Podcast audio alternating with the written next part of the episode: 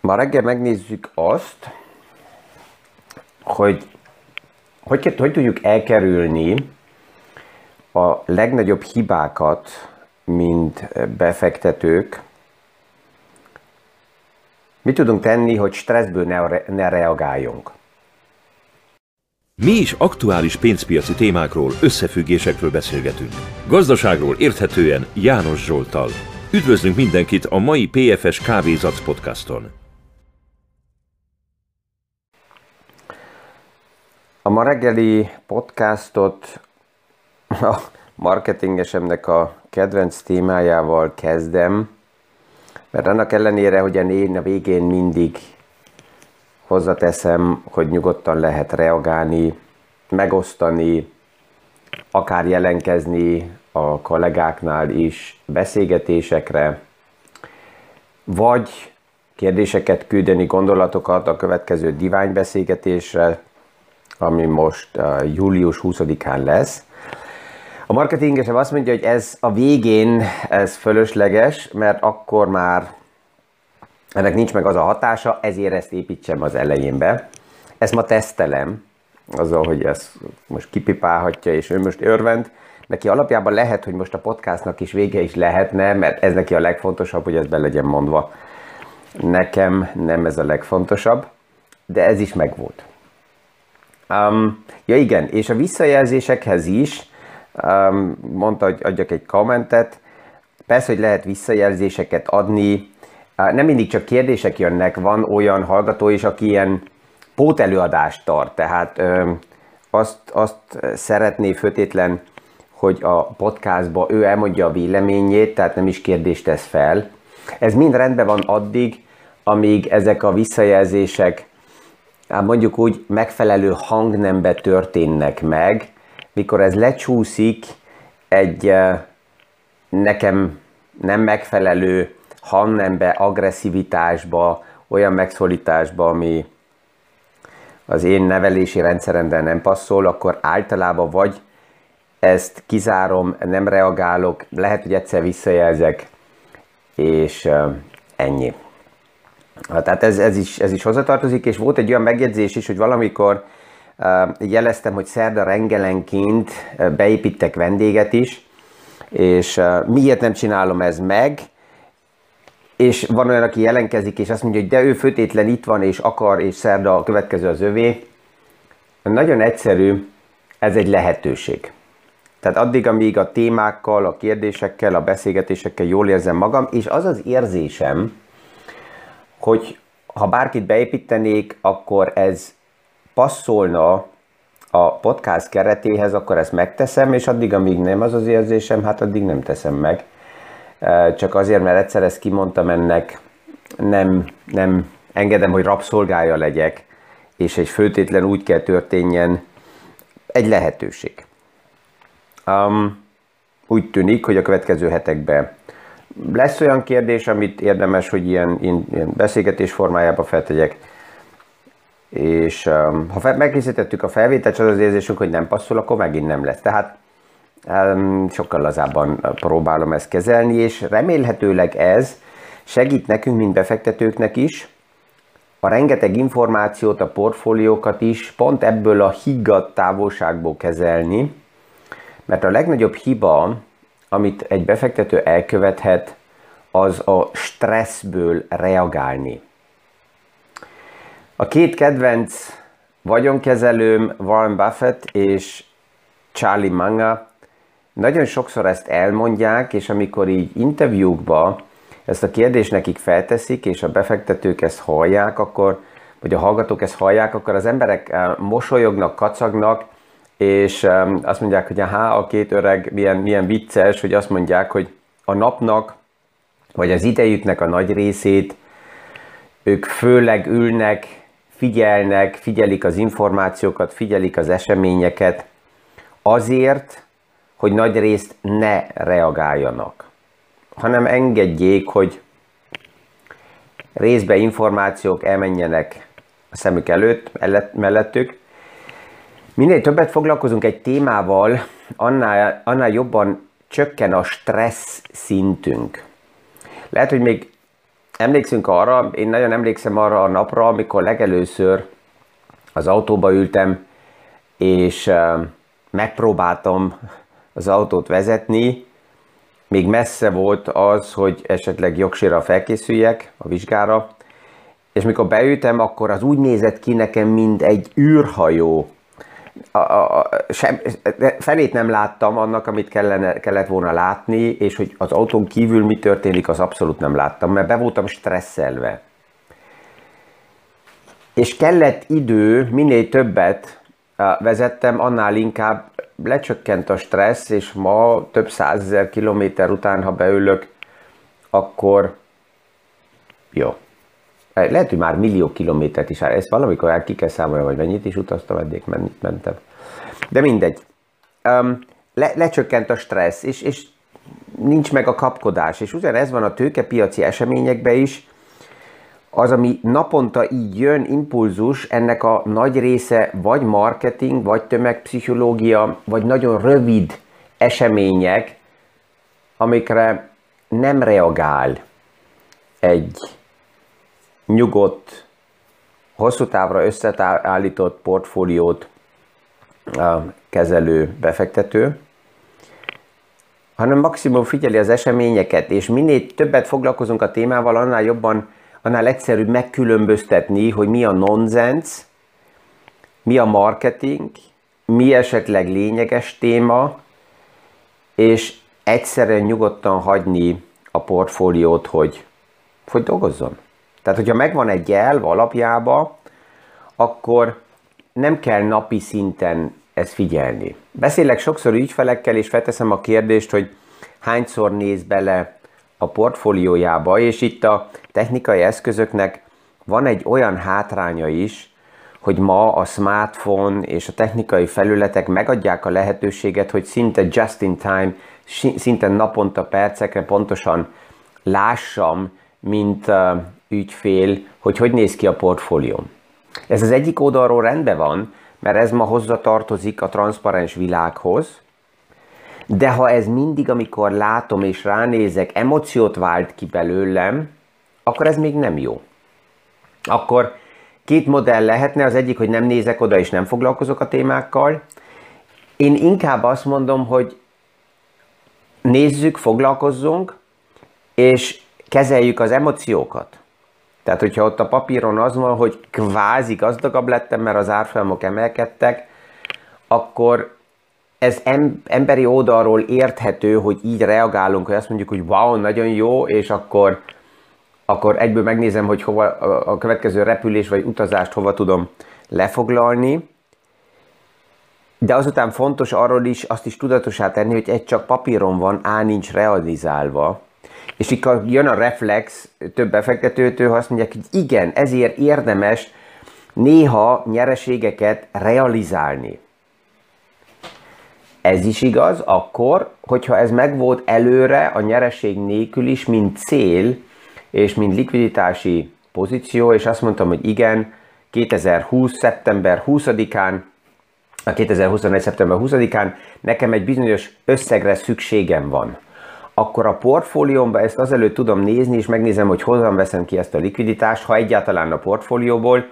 Lehet, hogy ez egy cash tartalék már, mert ami szeptemberben fog kelleni, az most már nem lehet alapjába, kivéve ha spekulálok a tőkepiacba benne, hanem ez a része már kin kell legyen. Tehát előre meg kell nézzem, hogy az a tartalék meglegyen, mert ha szeptember elején, augusztus végén lesz egy piaci korrekció, és az az összeg, ami még nekem, ami majd szükséges lesz szeptember 20-án, még be van fektetve, és az visszakorrigál 20-25 százalékkal, akkor vagy veszteséget kell ott realizáljak, vagy egy olyan időpontban, amikor alapjában a piacba bele kellene vásároljak, akkor én likviditást kell kivegyek, mert rosszul terveztem.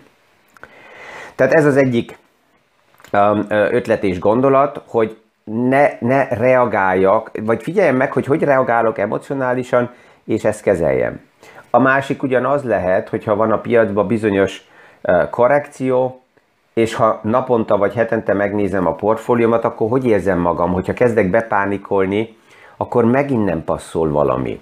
És itt is meg lehet az a modell, hogy azt mondom, nem nézem, de lehet az a verzió, hogy igenis szembenézek az emóciókkal, és megnézem, hogy miért reagálok úgy, ahogy reagálok.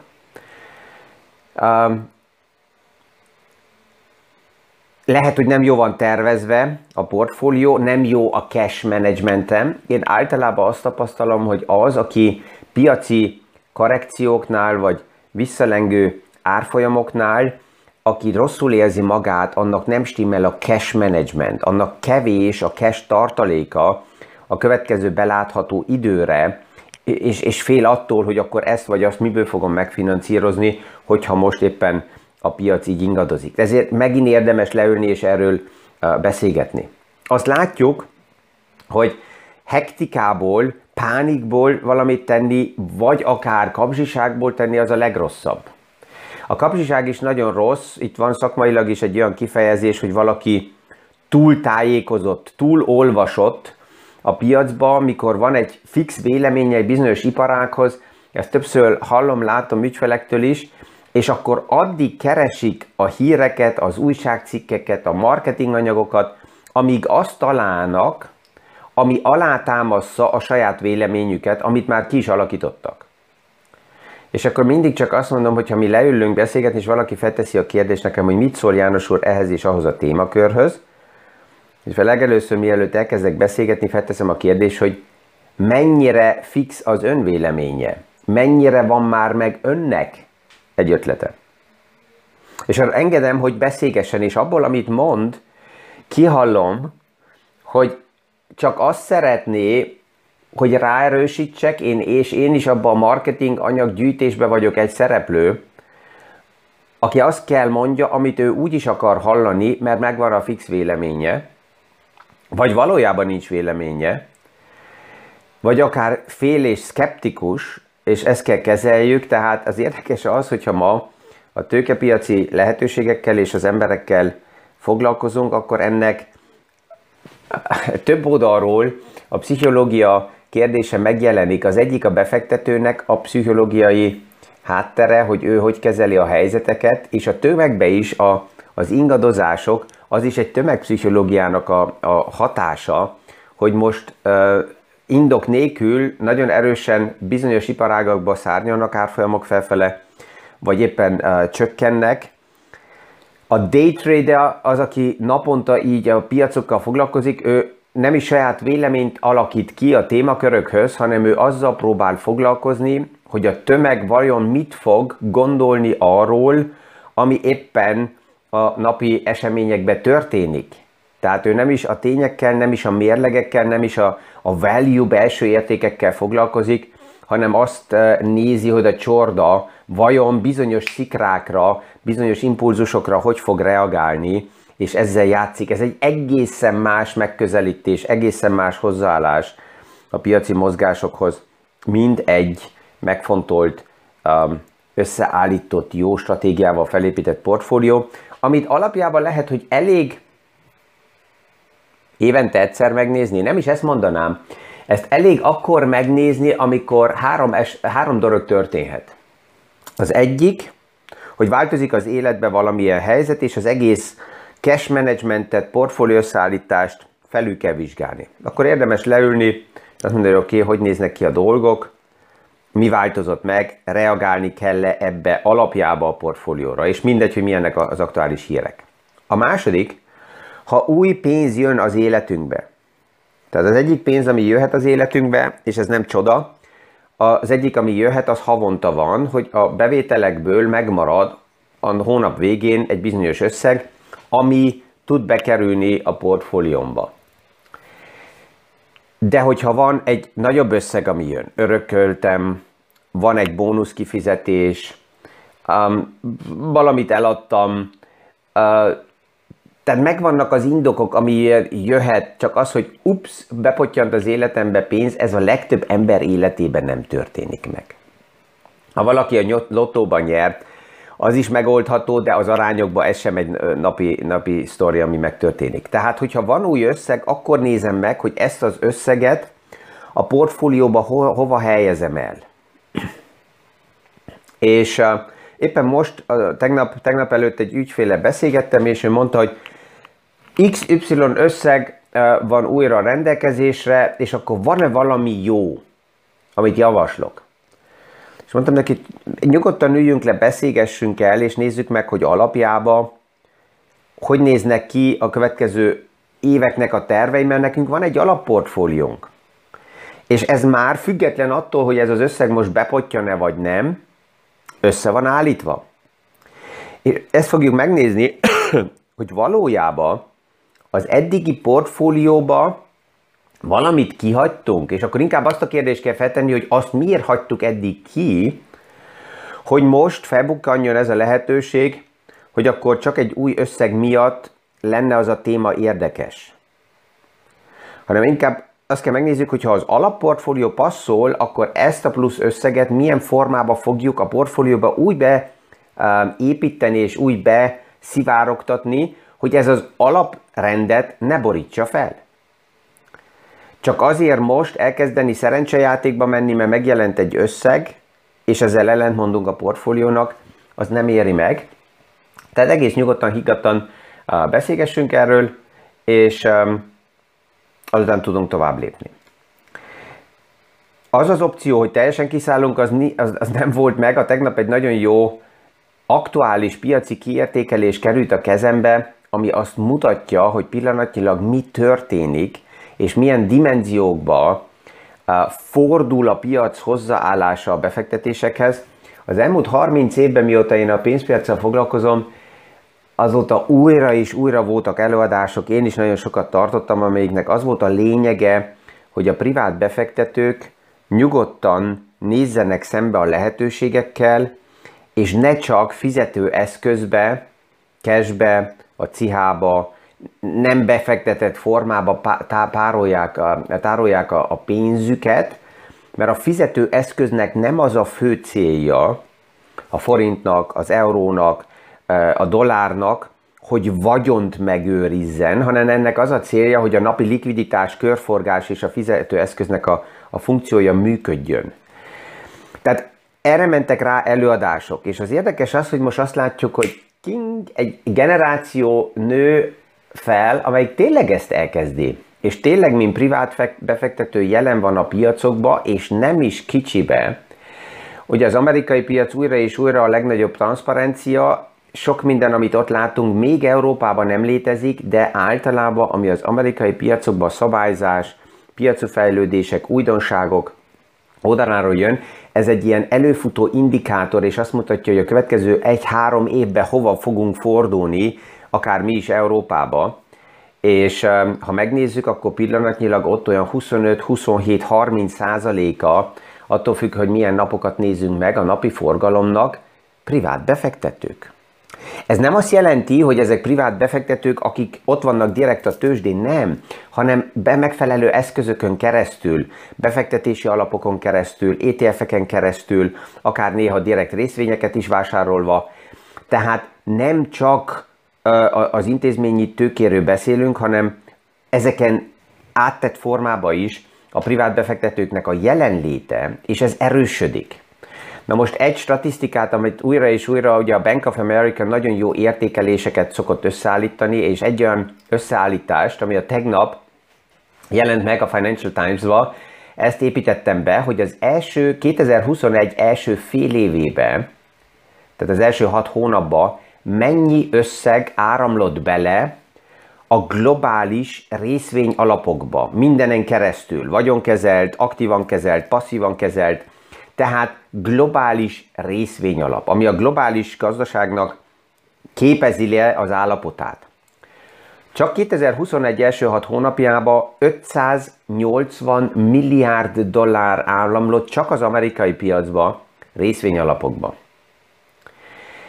Egy hónapot, ha megnézzünk, és ez június volt, ez volt a szám, amit a tegnap itt is kivettem, csak egy hónap alatt a részvény alapokba szűk 30 milliárd dollár globális részvény alapokba áramlott bele. Ez nem egy, egy pár iparágnak az alapja, egy ne, nem pár országnak az alapja, nem, ez a globális részvény alap.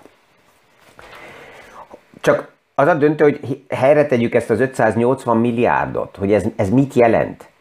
Ha így megy tovább a tendencia, akkor az idén lehet, hogy átlépjük az 1 billió dollárt, ami ebbe beáramlott, ennek olyan körülbelül 30%-a direkt privát befektető, a többi része is privát befektetőknek a pénze. Miért? Azért, mert hogyha egy nyugdíjpénztár, egy befektetési alapkezelő, egy vagyonkezelő globális részvényalapokba fektet be, az sem a saját pénzét fekteti be, hanem ez mindig a privát embereknek, a privát befektetőknek a pénze. Hogyha ez így tovább megy, akkor az 1 billiót átlépjük, és ez azt jelenti szó szerint, hogy az idén, 2021-ben több pénz áramlott globális részvényalapokba, mint az elmúlt 20 évben összesen.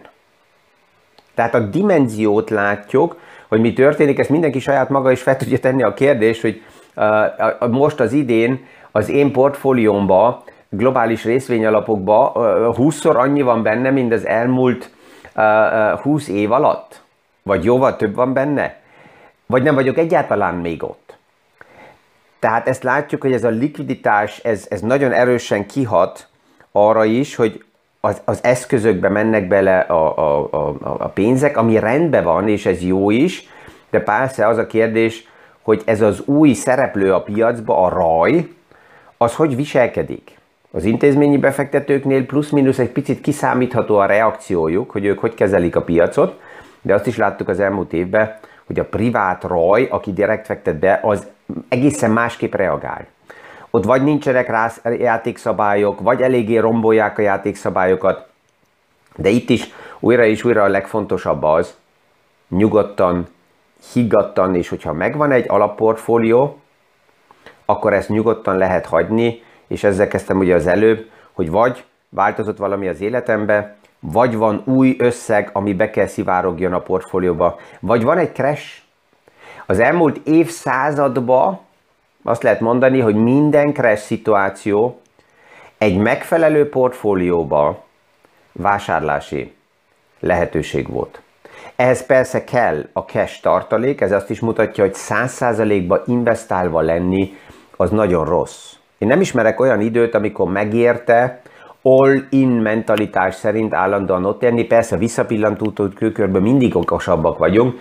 Ez szerint a tavaly március végén, április elején lehetett volna mindent betolni 100%-ba investálva lenni, esetleg túlinvestálni hiteren keresztül, de ott abban a helyzetben aznap nem ez volt a hangulat, és amikor a piacok nagyon-nagyon szárnyalnak felfele, akkor nagyon sokan hajlamosok arra, hogy 100%-ba investálva legyenek, ott is megtaláljuk azt a magyarázatot, ami segítene, the trend is your friend, erről beszélgettünk ugye a tegnap, de akkor is érdemes likvid pozíciót visszatartani. Tehát valahol a likviditás olyan 10 és 30 százalék között mindig jó, hogyha megvan, attól függ, hogy milyen az élethelyzet, milyen a pozíció, milyen a piac, mert ha valami történik, akkor ezt akkor tudom használni, ha vannak piaci korrekciók, ha van is likviditás. Ezzel Remélem, hogy ma is tudtam egy pár ötletet adni, hogy a napi megnézés a portfóliókban miért nem érdemes. Emocionálisan eh, kikészíteni saját magunkat, mint befektető, tiszta fölösleges. Ha megvan az alapportfólió, ha megbízok a portfóliószállításba, abba az emberbe, akivel ezt összeállítottam, ja is, ez is egy téma, amit újra és újra javaslok ügyfeleknek, ha megtaláltuk azt a szakembert, akivel jól érezzük magunkat, akkor kapaszkodjunk ebbe tartsuk meg. Mert nagyon rá vagyunk utalva, főleg azért is, mert a jövőben sok esemény jönni fog még, amikor szükségünk van egy jó szakemberre. Nekem is megvannak a gyenge oldalaim, én tudom, hogy ezek hol vannak, és azokban a gyenge témákban keresem a szakembereket, mert ott valami történik. Nem kezdek el én okoskodni, barkácsolni, össze-vissza, hibázni, hanem felhívom és azt mondom, hogy mit szólsz ehhez a témához. Ezzel mi mindig, ma reggel is, nyugodtan, akinek tetszett, lájkolhatja, megoszthatja, tovább küldheti, visszajelzéseket küldhet, kérdéseket a, a divány beszélgetésre, és ha nem, akkor egyszerűen egy nagyon nyugodt, erősen nyári napot kívánok mindenkinek egy árnyékos helyen, egy jó fagyival, vagy akár majd estefele egy sörrel a kézben kellemes napot, és a viszonhallásra a hónap reggeli kávézac posztászik. Mi is aktuális pénzpiaci témákról, összefüggésekről beszélgetünk. Gazdaságról érthetően János Zsoltal. Üdvözlünk mindenkit a mai PFS Kávézac podcaston!